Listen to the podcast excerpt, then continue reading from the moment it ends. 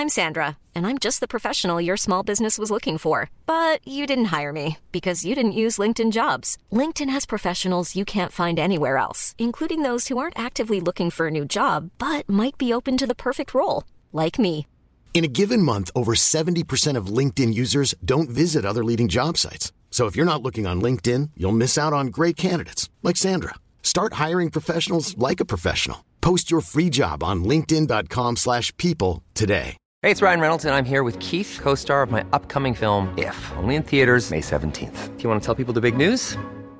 All right, I'll do it. Sign up now and you'll get unlimited for $15 a month in six months of Paramount Plus Essential Plan on us. Mintmobile.com slash switch. Upfront payment of $45 equivalent to $15 per month. Unlimited over 40 gigabytes per month. Face lower speeds. Videos at 480p. Active Mint customers by 531.24 get six months of Paramount Plus Essential Plan. Auto renews after six months. Offer ends May 31st, 2024. Separate Paramount Plus registration required. Terms and conditions apply if rated PG. Millions of people have lost weight with personalized plans from Noom, like Evan, who can't stand salads and still lost 50 pounds. Salads, generally, for most people, are the easy button, right? For me, that wasn't an option. I never really was a salad guy. That's just not who I am. But Noom worked for me. Get your personalized plan today at Noom.com. Real Noom user compensated to provide their story. In four weeks, the typical Noom user can expect to lose one to two pounds per week. Individual results may vary. Helt siden de første menneskene slo seg ned i Trøndelag, har det blitt observert underlige lys over Hessdalen. Fenomenet har blitt forsøkt bortforklart som syner sett av bygdetullinger og deliriske hallusinasjoner forårsaket av den lokale drikkekulturen. Men det skulle vise seg at fenomenet stakk langt dypere, når Hessdalen-fenomenet fikk verdensomspennende oppmerksomhet i ufo-miljøet på 1980-tallet. Fenomenet er fremdeles der, og det er fremdeles like uforklarlig som den gang. I 2024 kommer en podkastserie i seks deler, produsert av Project Hessdalen, som kanskje en gang for alle skal finne svar på hva som rører seg på himmelen i denne bortgjemte dalen i Trøndelag. Serien har som seg hør og bør fått tittelen A Blaze in the Northern Sky, og den kommer til din favorittpodkastavspiller i 2024. Sivi i myra lukter som overmodne fersken og visne roser, som råtten honning og død. Nå er hele myren som en slimete blomst som stekes i augustsola med en slags søt lengsel etter døden. Froskene tier når jeg nærmer meg. Myren bobler stille.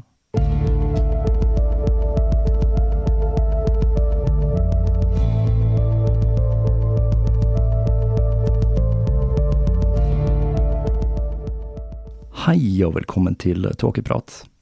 Jeg heter Even, og når jeg tar opp denne episode 167, så er det søndag den 29. august i det herrens år 2021. Og da var tiden inne for den aller første episoden tatt opp i mitt flunkende nye Tåkeprat-studio. Nå er jeg så å si ferdig her, jeg venter kun på litt mer støydemping og en ny monitor, og så er alt på plass. Nå sitter jeg her og tar opp under et herlig tåkeprat neonskilt, noe som får det hele til å føles enda litt mer offisielt. Skiltet kom til og med med et relé, så jeg kan justere blinking og lysstyrke, noe som gjør at jeg kan få studioet til å føles ut som Titty Twister fra From Dusk til Dawn. Det å ha et eget rom kun dedikert til podkastproduksjon har også vist seg svært så gunstig i forhold til skriving, så nå gjenstår det å se hvordan det blir på lydproduksjonssiden. Det er sikkert ingen andre enn meg som hører de små detaljene som jeg henger meg sånn opp i, for jeg er min egen største kritiker, og jeg pleier å høre meg gjennom episodene fire–fem ganger når de er ferdige. En gang før jeg legger de ut, bare for å forsøke å plukke opp store feil, og tre–fire ganger etter den er lagt ut, for å høre hva jeg er fornøyd med, og hva jeg ikke er fullt så fornøyd med, og det er ikke til å legge skjul på at det er det sistnevnte det blir mest av. I forrige episode kunne jeg for eksempel høre at klangen ble feil etter at jeg hadde flyttet ut inventaret fra leiligheten. Så får vi se, da, hvordan det nye rommet låter. Nå har jeg iallfall gått steinhardt inn for å dempe romklangen og få flytta lydbildet nærmere det jeg ønsker. Men det var nok lydnerding fra meg for denne gang, og jeg håper og tror at det nye studio vil inspirere til mange, mange timer med podkast i tiden framover. Aller først så vil jeg komme med et lite tips. Jeg har blitt tipset av flere lyttere og kollegaer om dokumentaren De utvalgte barna som ligger på nrk.no.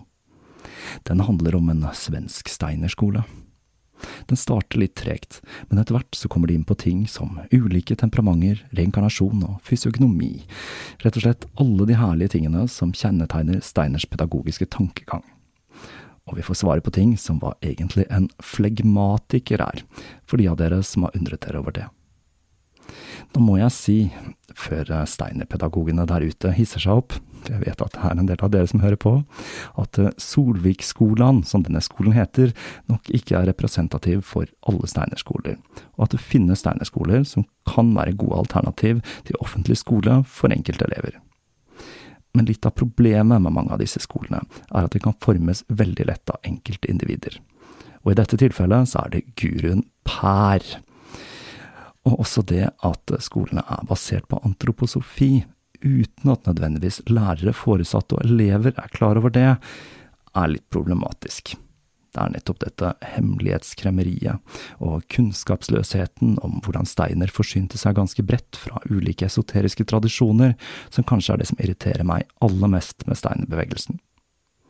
Mot slutten av serien får vi se hvordan skolens tidligere rektor blir ringt opp av personer i de antroposofiske sirklene som advarer henne mot å snakke med filmskaperen.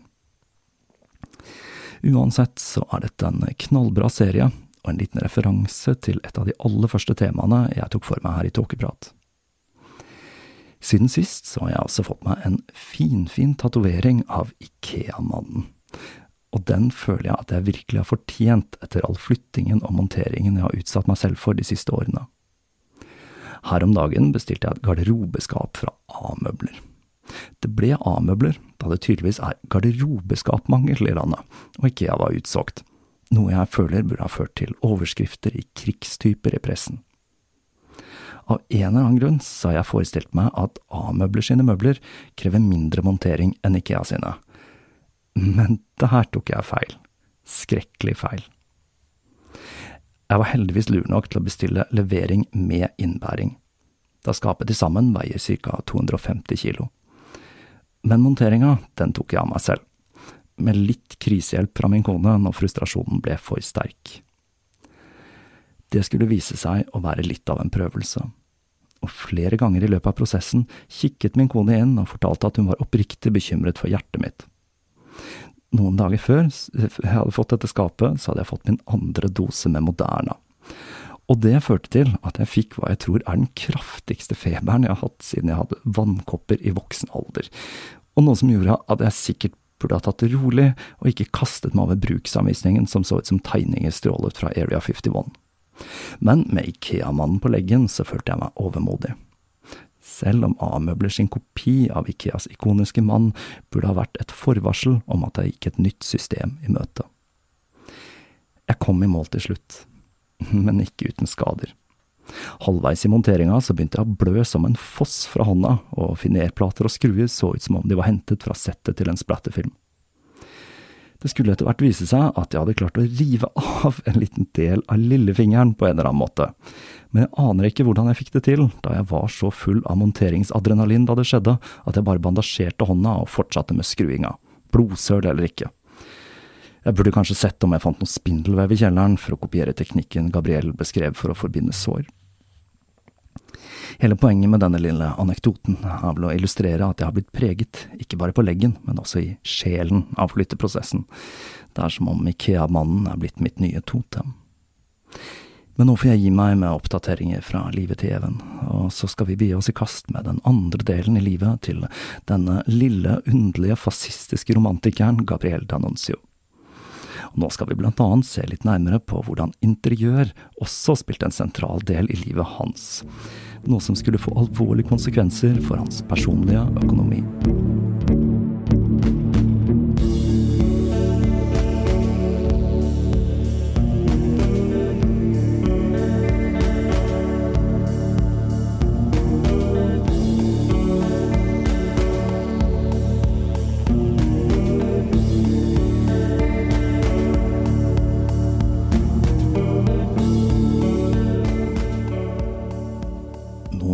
Få mil sør for Gabriels hjemby Pescara ligger Francavilla, hvor maleren Francesco Paolo Michetti bodde. Selv om han var 18 år eldre enn Gabriel, skulle han bli en av hans nærmeste venner. Om sommeren så fikk Michetti besøk av en gruppe kompiser som kalte seg selv for Kenakolo. Direkte oversatt betyr dette noe i retning av spisestua, men i dagligtalen ble ordet brukt til å referere til Sokrates symposium eller Jesus siste måltid. Blant de faste gjestene var skulptøren Constantino Barbella, og ikke minst komponisten Francesco Paolo Tosti, som senere skulle lage musikk til Gabriels poesi. Da Gabriel var kun 17 år gammel, om sommeren 1880, og fremdeles hadde ett år med skolegang foran seg, var han allerede et godt etablert medlem av Kenakolo. I begynnelsen så overnattet han i det lille huset til Michetti som lå like ved havet, og senere i et forfallent kloster Michetti hadde gjort om til studio og bolig. Livet til Gabriel blomstret. Han var den yngste i denne gruppen kunstnere som besto av menn med et godt etablert rykte, og Gabriel betraktet Canacolo som et slags utdanningsinstitusjon. Der kunne de snakke i timevis, og alltid, alltid var det om kunst. Denne gruppen besto stort sett av andre typer kunstnere enn forfattere. Og det er viktig, fordi en av de store styrkene til Gabriel var at han var svært kunnskapsrik når det gjaldt andre kunstformer, og han verdsatte dem høyt. Han skulle ha hatt et fantastisk øre for musikk. Han skrøt ofte av hvordan han hadde imponert dirigenten Toscanini ved å kunne peke ut hvilket instrument i orkesteret som var ustemt.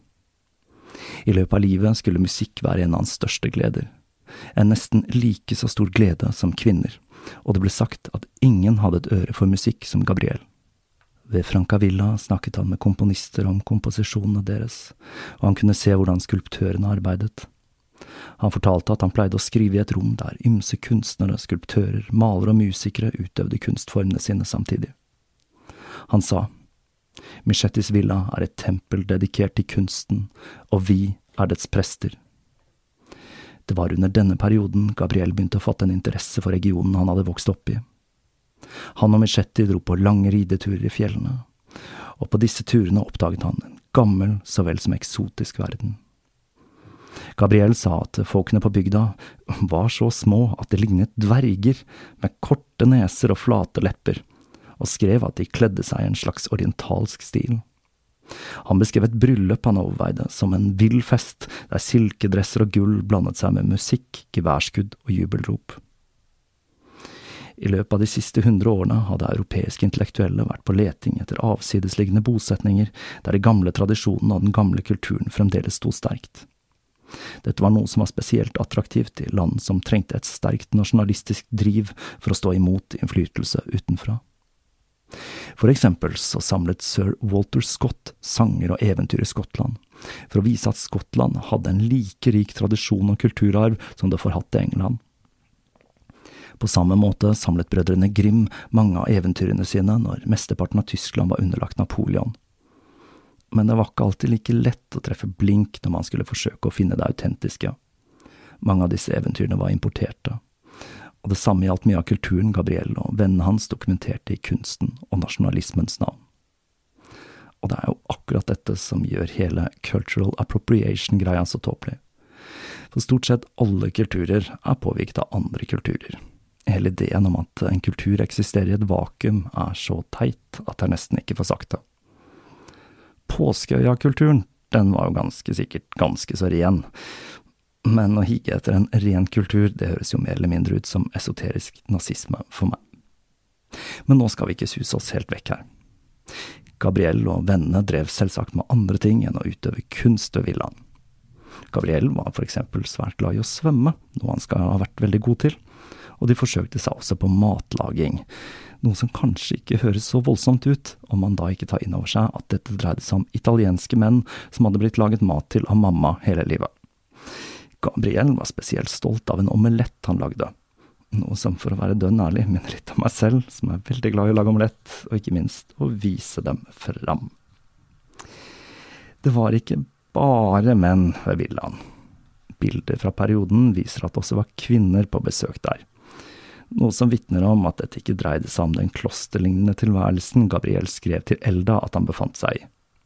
Det er også en del rus involvert. Det skulle jo nesten bare mangle i et italiensk kunstkollektiv at det ikke gikk med en del vin, selv om Gabriel senere i livet kun skulle drikke i moderasjon. Det var så rikelig med opium, noe Gabriel satte stor pris på, fram til han oppdaget at det gjorde ham treg, og han kuttet ut. Men til tross for dette skulle han skrive at han hadde hatt noen fine opplevelser med stoffet. I løpet av sommeren 1880 hadde Gabriel to opplevelser som skulle prege det videre arbeidet hans.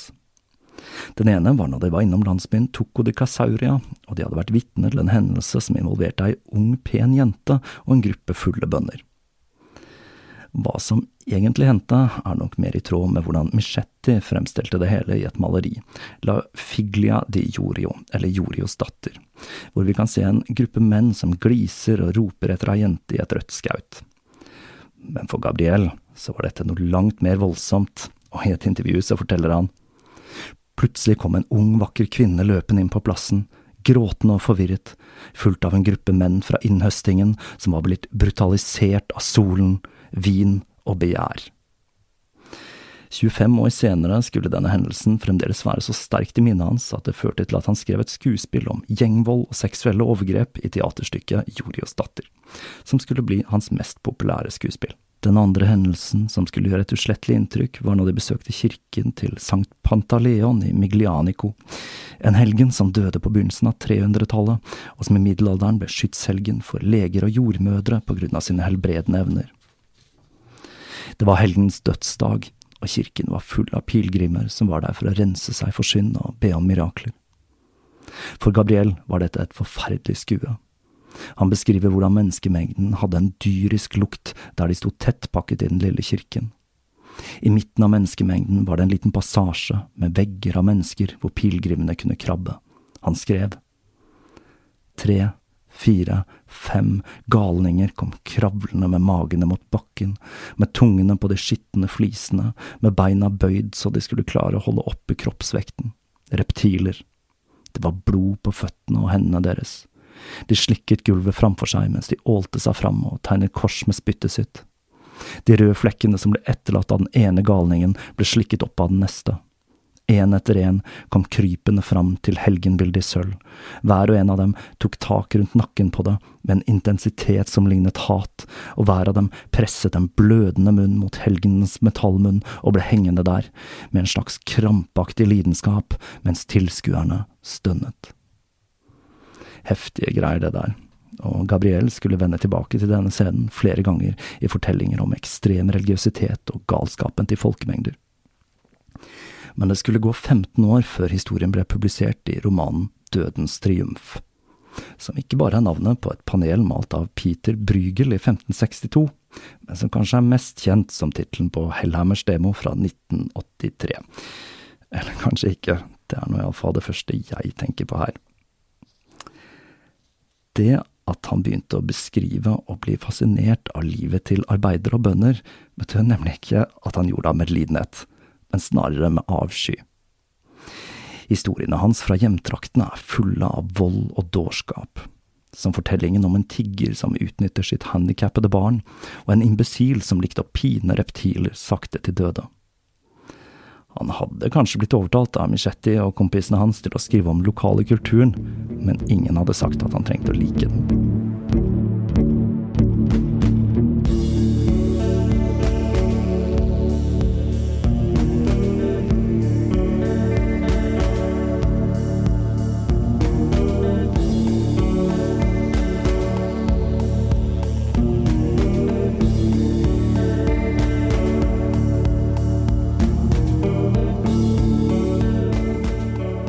Sommeren 1881 skrev Gabriel at han sang av glede over å være ung, og kvelden før han dro til Roma i november, så skrev han til Elda og lot som om berømmelsen plaget han.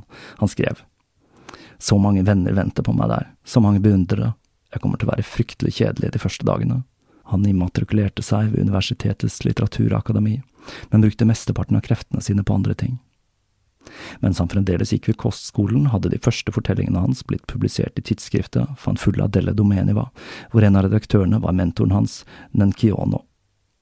En annen svært nyttig kontakt i Roma var Eduardo Scarfoglio, som var en poet, og ikke minst var redaktør for ukebladet Kaptein Fracassa, som var et satirisk magasin rettet mot ungdom. Scarfoglio var en av disse kompisene Gabriel skulle dra til Sardinia med sommeren etter. Med flere publikasjoner bak seg hadde Gabriel det han trengte for å fremme seg selv som en frilansskribent. Og etter serien Leiesoldaten om John Hawkwood, så vet vi nå at frilanse stammer fra en konstellasjon av tre soldater som var vanlig under hundreårskrigen.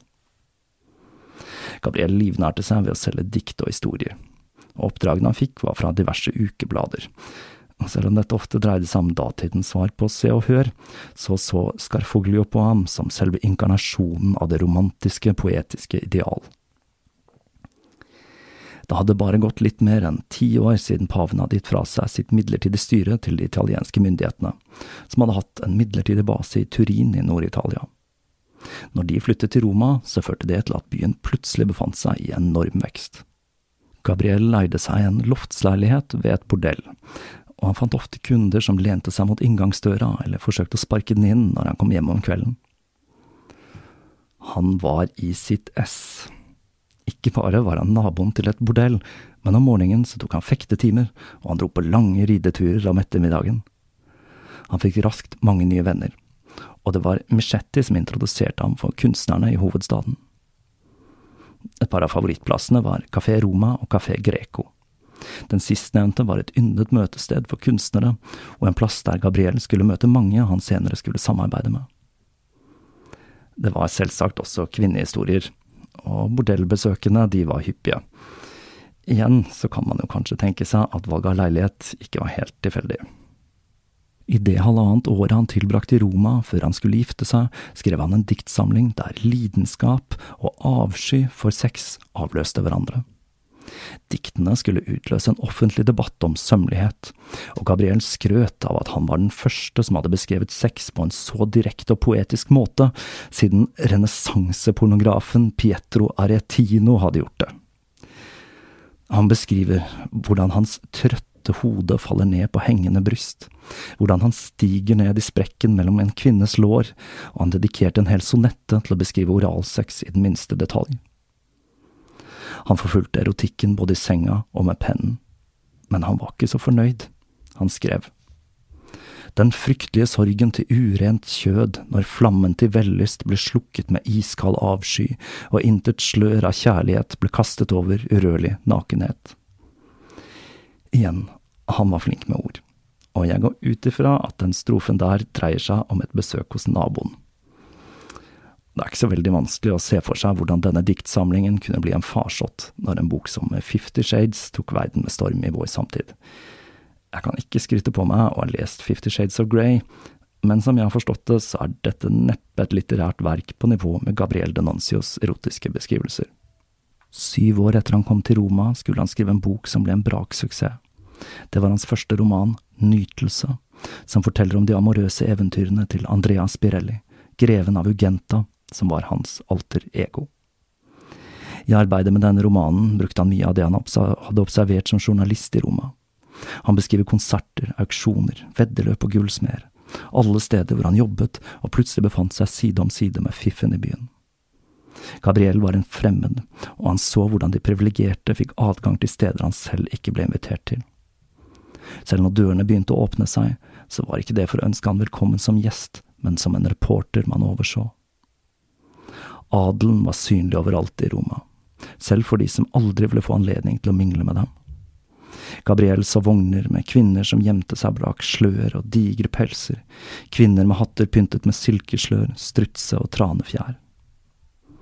Han dro på hesteveddeløp for å beundre adelskvinnene på tribunene, og han skrev dikt til disse ukjente kvinnene, eller gudinnene som han beskrev dem, som til den ukjente blonde Diana med en flodhest som ektemann, hvis marmorhvite armer var besatt med gullarmbånd og delvis tildekket av kjolen, og til amazonen i den grønne kjolen med den røde fjærbesatte hatten. I operaen stirret han opp på balkongene og tok notater til motespalten han skrev. Dag etter dag skrev han om smykker, klær og tekstiler, og ikke minst de fysiske attributtene til kvinner han ikke kjente. Han var spesielt kritisk til kvinner som ikke tok av seg pelsen i operaen, slik at de ikke viste fram den månebleke buen til skuldrene. Etter en sommerferie i Abruzzi bega Gabriel seg i kast med sin andre vinter i hovedstaden, og det første han gjorde var å få laget seg en skreddersydd dress. Han skrev til sin far og fortalte at han var i ferd med å gi seg i kast med det øvre sjiktet av det sosiale livet i byen. Det er klart at eh, som en sladrespaltejournalist så hadde han ikke den samme statusen som adelen, men sakte og sikkert How would you like to look five years younger? In a clinical study, people that had volume added with Juvederm Voluma XC in the cheeks perceived themselves as looking five years younger at six months after treatment. Look younger, feel like you. Add volume for lift and contour in the cheeks with Juvederm Voluma XC. Reverse signs of aging by adding volume to smooth laugh lines with Juvederm Volure XC. For important safety information and to find a licensed specialist, visit juvederm.com. That's J U V E D E R M.com. Not for people with severe allergic reactions, allergies to lidocaine, or the proteins used in Juvederm. Common side effects include injection site redness, swelling, pain, tenderness, firmness, lumps, bumps, bruising, discoloration, or itching. There's a risk of unintentional injection into a blood vessel, which can cause vision abnormalities, blindness, stroke, temporary scabs, or scarring. Talk to a licensed specialist to find out if it's right for you. Hiring for your small business? If you're not looking for professionals on LinkedIn, you're looking in the wrong place. That's like looking for your car keys in a fish tank. LinkedIn helps you hire professionals you can't find anywhere else, even those who aren't actively searching for a new job but might be open to the perfect role. In a given month, over 70% of LinkedIn users don't even visit other leading job sites. So start looking in the right place. With LinkedIn, you can hire professionals like a professional. Post your free job on linkedin.com slash people today. fikk adgang til arrangementer med høyere og høyere status, enten det dreide seg om ball, pikniker eller innendørsfester. For festing, det var det aristokratiet drev med. Disse piknikene var langdryge affærer som ble avløst av innendørsfester som tradisjonelt startet rundt midnatt, og gjerne ble avholdt i drivhus med eksotiske planter eller i hagepaviljonger. Det var ikke bare bare å være rik den gang som nå, med andre ord. Scarfoglio kunne ikke annet enn å måpe når han observerte hvor raskt Gabriel klatret i det sosiale hierarkiet. Den unge mannen som hadde kommet til byen med kun et knippe dikt og et par noveller, hadde begynt å kopiere de rike for å få innpass blant fiffen. I seks måneder dro han fra ball til ball, fra gallamiddag til gallamiddag. Og Fuglio skrev nedlatende at han er en valp i en silkesnor. For Gabriel selv var det tanken om at han måtte tjene til livets opphold som virket mest frastøtende, og i hans hode var det ingenting galt med populistisk journalistikk, og han trengte lesere. Ikke minst så følte han at det ikke var noe galt i å skrive om bordsetninger, hatter og klær, for dette var aspekter av livet han frydet seg over. Det at han var svært opptatt av klær, er noe som kommer fram i romanene hans, der heltinnens kjoler gjerne er beskrevet i den minste detalj. For ham var mote en egen kunstform, og han kunne ikke skjønne at en kvinnes kjole ikke kunne betraktes som et kunstverk på samme måte som en skulptur eller et maleri. Det var også en grunn til til at han fant den italienske sosieteten fascinerende. Han mente at tradisjonen til eliten, som besto av eleganse og kunst, hadde gått i arv fra generasjon til generasjon. Overalt i Roma kunne han se spor etter disse tradisjonene. Han vandret gatelangs og så på restene etter byens storhetstid. Det som fascinerte ham mest, var ikke keisernes Roma eller pavens Roma, men de aristokratiske familienes Roma.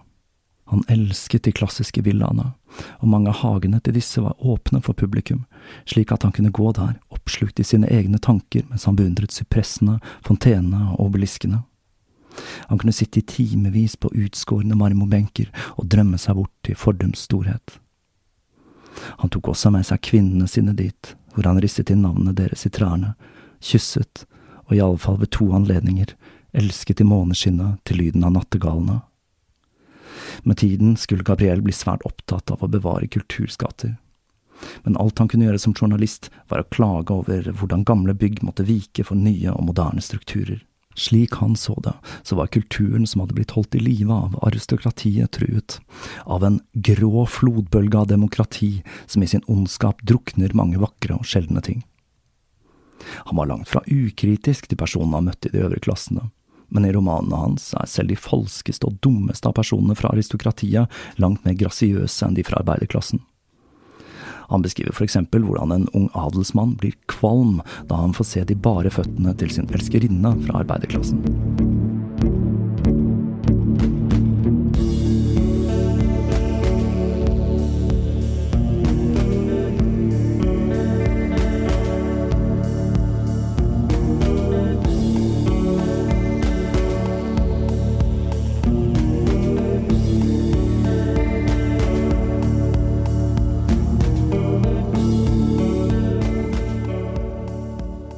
Scarfoglio på sin side var overbevist om at Gabriels fascinasjon over aristokratiet var seksuelt motivert, og det er jo ikke helt utenkelig at det også var en vesentlig faktor.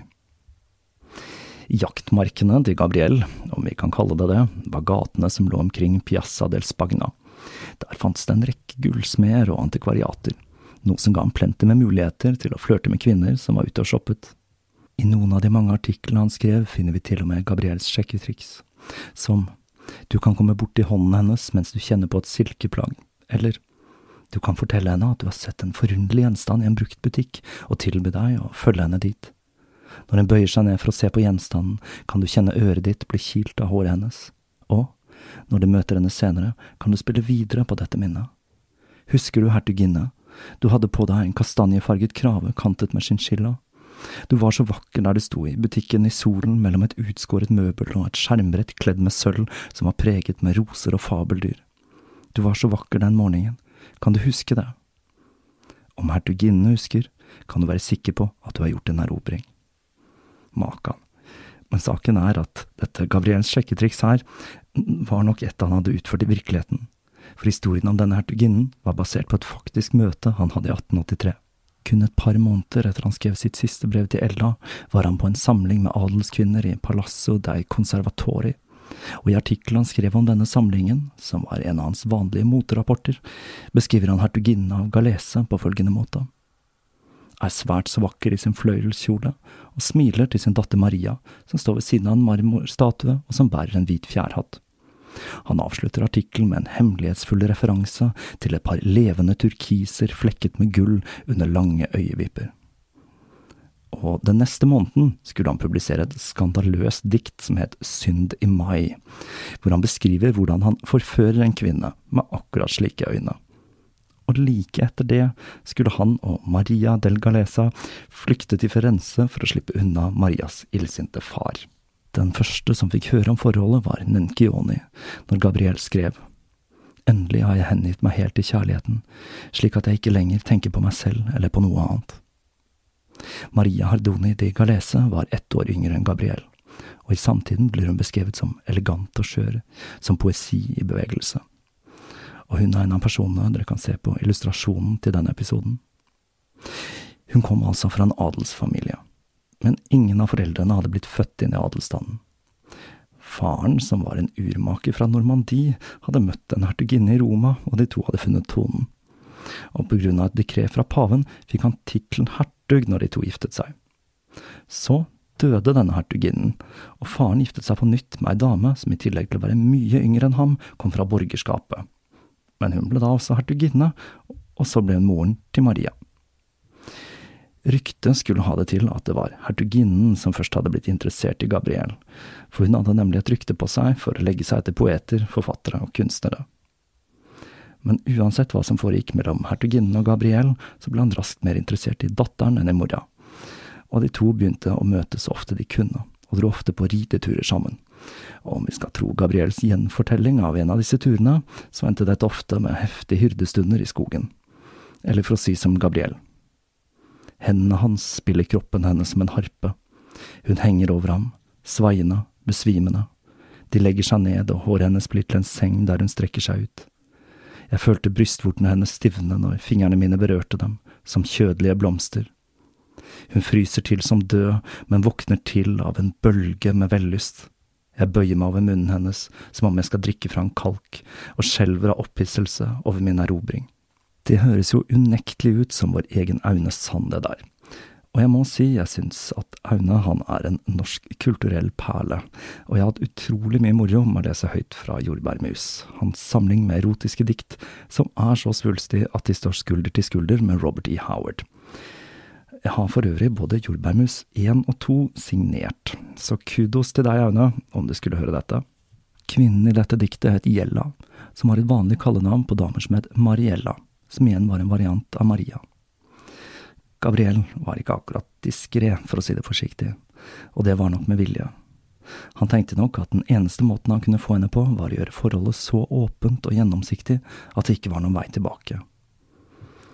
For selv om hertugen, han hadde jo selv ligget seg til tittelen sin, så betød ikke det at han ville ha en svigersønn som kom seg inn i aristokratiet på samme måte. tvert imot. Senere den sommeren ble Maria gravid, men til tross for det så nektet han å gi sin datters hånd til en han anså for å drive med smussjournalistikk. Så flyktet altså det unge paret fra Nils til faren. Den 28. juni 1883 tok de to toget til Firenze, og nyheten om flukten spredde seg i pressen, mest sannsynlig fordi Gabriel selv hadde tipset dem. Maria ble hanket inn av familien dagen etter, men da var det for sent. De to hadde tilbrakt natten sammen på Hotell Helvetia, og siden det ble rapportert i pressen, så hertugen ingen annen mulighet enn å la de to få gifte seg. Men det betød ikke at han godtok ekteskapet. Han ble rasende, og han nektet å komme til bryllupet som ble holdt i Palazzo Altemps. I tillegg så nektet han å gi dem noen som helst finansiell støtte, og han nektet til og med å møte dem. Her skal vi gi Gabriel litt kred, for han brydde seg ikke om at han ikke fikk noe penger av brudens familie. Ei heller at med Maria som utstøtt så ville han ikke få en tittel, og med det mistet han en gyllen mulighet til å bli en del av det aristokratiet han var så betatt av. Han var hodestups forelsket, og en stund, ikke så lenge riktignok, så var de to lykkelige. Han tok med seg Maria til Pescara, hvor de bodde i villaen til faren. Det er mye man kan si om Gabriel, men han var ikke akkurat en golddigger, da. For like etter bryllupet ble foreldrene til Maria separert, og hertuginnen, som ikke eide nåla i veggen, kom til Pescara, hvor hun bodde med paret. Så nå hadde Gabriel ansvaret for to kvinner han ikke hadde finanser til å forsørge, og hans første barn var altså på vei. Sånn kan det fort gå i livet, altså, så det gjelder å passe på. Som vi skal se etter hvert, så hadde Gabriel et utrolig dårlig forhold til økonomi og penger, og siden antikviteter og snurrepipperier var i vinden, var det ikke vanskelig for ham å bruke store summer på interiør. Japanske gjenstander var spesielt populære når Gabriel kom til Roma, og han likte seg veldig godt i butikken til Beretta-søstrene, som spesialiserte seg på nettopp gjenstander fra Japan. Denne butikken med røde vegger, svartlakkerte trepaneler som luktet sedertre, skulle inspirere Gabriel når han skulle skape sin egen stil. Men sjeldne ting kostet, og på begynnelsen av 1880-tallet hadde ikke Gabriel inntekten, til tross for at han var svært produktiv. Eller det vil si, han syntes han tjente for lite, siden han ikke hadde råd til alt han hadde lyst på. De første 15 månedene av ekteskapet tilbrakte han og Maria i Pescara, og det var der, i januar 1884, sønnen Mario ble født.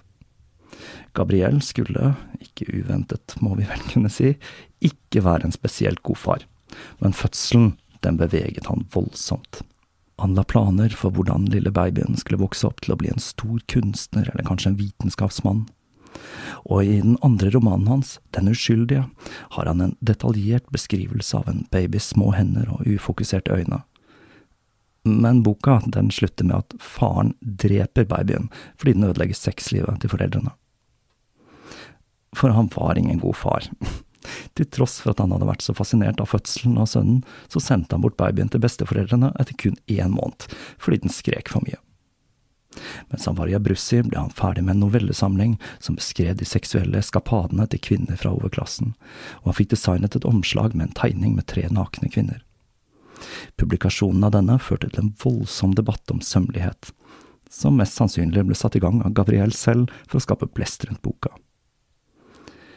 Men livet på landet, det var ikke noe for Gabriel, så i november 1884, mens han fremdeles bare var 21 år, pakket han sakene sine og tok med seg kona og sønnen tilbake til Roma, hvor han begynte å skrive for tidsskriftet La Tribuna.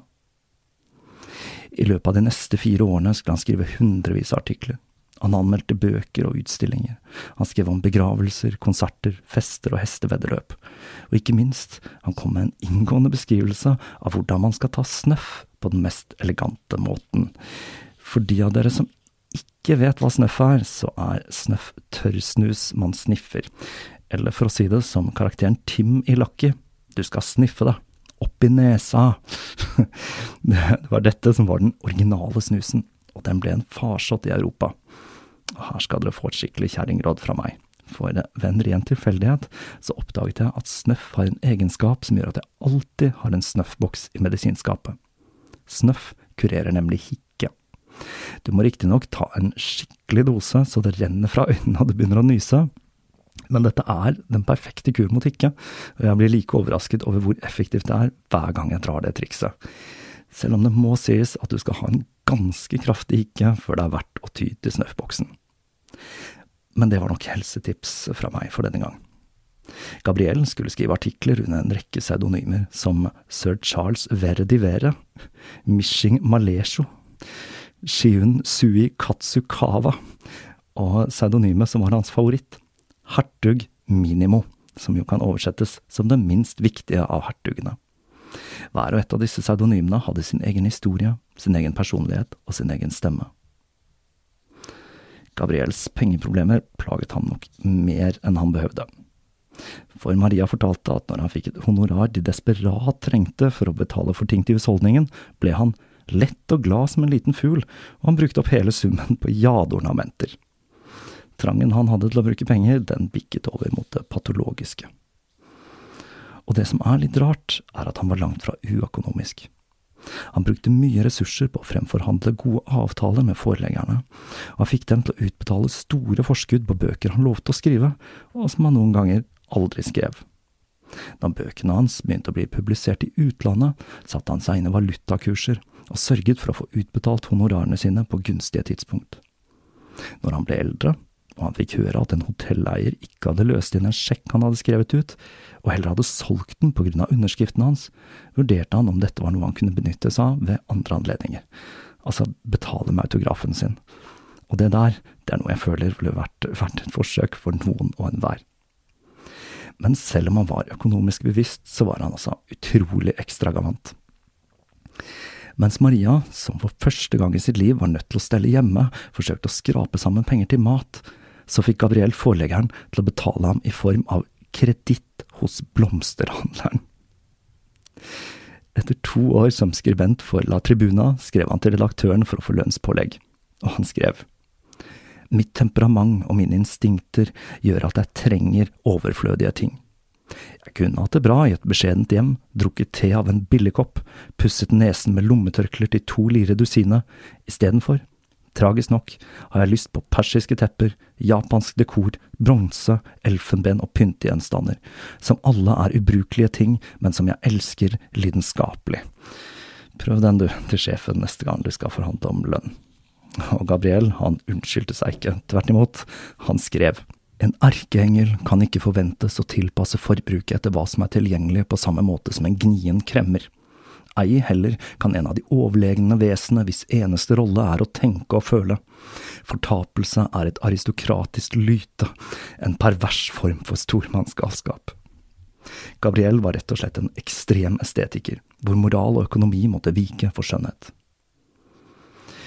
I september 1885 kranglet Gabriel med Carlo Magnico, som var en annen journalist. Det førte til at Gabriel utfordret ham til duell. Og her er det vanskelig for meg å ikke referere til hva jeg mener er den beste historiske satiren som noen gang har blitt filmatisert, og det er Blackadder. Hvor Blackadder da, etter mye planlegging, har funnet ut av hvordan han skal kunne vinne en duell, for så å bli tatt på senga når han oppdager at duellen skal utkjempes med kanon og ikke sverd. Eller for å si det som hertugen av Wellington sier i denne episoden, bare jenter duellerer med sverd nå til dags. I den samme episoden finner vi for øvrig en av mine favorittreplikker fra serien, som er I spent a night with a pair of Wellingtons, and I loved it. For de av dere som husker hva det refereres til der. Men Gabriel, han skulle duellere med sverd. Han hadde vært en utmerket fekter ved skolen, og han hadde holdt fektingen ved like etter han kom til Roma. Men Magnico, som var betraktelig høyere enn Gabriel, vant duellen etter å ha gitt ham et kutt i hodet. Forfatteren Mathilde Serrao, som var en greskfødt journalist som ble den første kvinnelige redaktøren i Italia, var til stede under denne duellen. Og hun forteller at legen som var der, ble så bekymret over blodtapet til Gabriel at han behandlet såret med jernperklorat. Og det skulle, ifølge Serrao, ha permanent skadet hårrøttene hans, noe som førte til at han ble skallet. Men her er det ugler i mosen, altså. Denne historien er blitt gjenfortalt i mange av biografiene om Gabriel, men om man ser på bilder av ham, så kan man se at han mister håret gradvis, slik menn ofte gjør. Men Gabriel, han ville ikke være som andre menn, og med det begynte han å konstruere en ny historie om seg selv. Han var den virile, overmenneskelige superhelten. Enda en ting som høster tvil om denne historien, er at Gabriel ikke har noe synlig arr etter denne skaden på hodet. Italias demokrati var, som det er i dag, et ekstremt vaklevorent et. I løpet av de første 40 årene hadde landet hatt 35 ulike administrasjoner. Aristokratiet, som tidligere hadde sittet med makten, foraktet parlamentet og omtalte seg som de vulgæres skravlestue. Og politikerne på venstresiden klaget over at parlamentet kun representerte det rike. Valgene var rigget, ikke bare ved å trikse med stemmesedlene, men også ved at landeiere og prester fortalte folk hva de skulle stemme, og ikke minst ved bruk av skremselstaktikk og mafia. I 1882, kun et par måneder etter Gabriel hadde kommet til Roma, døde folkehelten Giuseppe Garibaldi. Han hadde vært ganske brysom når han var i live, men når han døde, ble han løftet opp til helgenstatus. I løpet av livet hadde han flere ganger foreslått at han burde bli utnevnt til diktator. Ordet som kommer fra latin var et fremmedett for de fleste, og begrepet hadde ikke den negative betydningen det har i dag. Den som ble utnevnt til diktator, ville få ekstraordinær makt i nasjonale krisetider. Garibaldi forklarte at han flere ganger i løpet av livet skulle ønske at han hadde hatt nettopp en slik makt, som når han var på et skip i storm og han visste at han var den eneste som var dyktig nok til å føre skipet ut av stormen. Det var mange som var så misfornøyde med det sittende styret at de slett ikke syntes dette hørtes ut som noen dum idé. Kanskje Italia kunne dra nytte av en slik diktator. Gabriel hadde lest Darwin da han gikk på skolen, og han hadde fått med seg at evolusjonen er en pågående prosess. Det var da logisk for ham at i hver generasjon ville være ekstraordinære individer som var mer utviklet enn andre. Mennesker, slo han fast, er ikke født like. Gabriel hadde enda ikke lest Nietzsche, men han hadde allerede utviklet et nitsjaktig tankegods. De identitetsløse styret er over. La de voldelige og unike reise seg.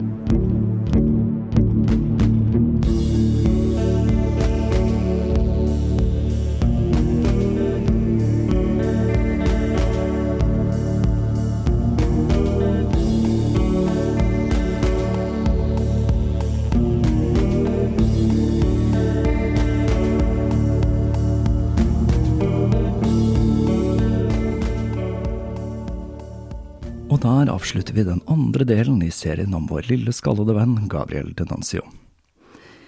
I denne episoden har vi jo begynt å ane at mannen hadde flere negative aspekter enn hans underlige kjærlighetsliv. Dette ekstreme pengebruket og trangen etter å eie fine og dyre ting er et som skulle følge ham som en forbannelse gjennom resten av livet. I begynnelsen av denne episoden siterte jeg diktet I myra av Gabriel Denancio. Problemet med forfatterskapet hans er at han skrev på en særegen italiensk måte, og han benyttet seg av ord og begreper som sjeldent ble eller blir brukt, noe som gjør at det finnes få, om noen, gode oversettelser av verkene hans til et språk jeg kan godt.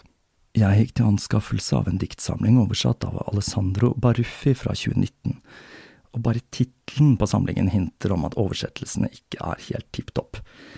Den heter nemlig The Collection of Poems in English The Collection der, altså. Og dette dreier seg om ei lita lefse av ei bok av laber trykkvalitet, med italienske og engelske utgaver av diktene side om side. Jeg kommer nok til å lese fra Gabriels dikt i resten av denne serien, men jeg kommer også til å ta meg en del friheter for å få det hele til å fungere lyrisk på norsk. Om du virkelig vil dykke ned i Gabriels kjødelige blomster, for å si det sånn, så er det nok best å lære seg italiensk, eller kanskje aller helst å ha blitt født i Italia. Nå skal jeg hive meg over neste del i denne serien, samtidig som jeg skal forsøke å ikke få hjerteinfarkt mens jeg monterer møblement og forsøker å komme vel i hus her. Enn så lenge så vil jeg som vanlig rette en takk til alle patrions.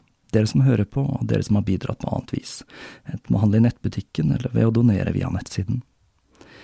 Jeg må jo si at Prosjekt Tåkeprat nok kommer til å gå med dundrende underskudd i år, etter å ha bygget meg det nye studioet. Men det er vel kreativitetens pris, sånn sett. Jeg startet ikke med podcasting for å bli onkel Skrue, akkurat. Jeg får bare håpe jeg ikke blir en Danuncio. Så fram til neste episode så gjenstår det bare å si på gjenhør.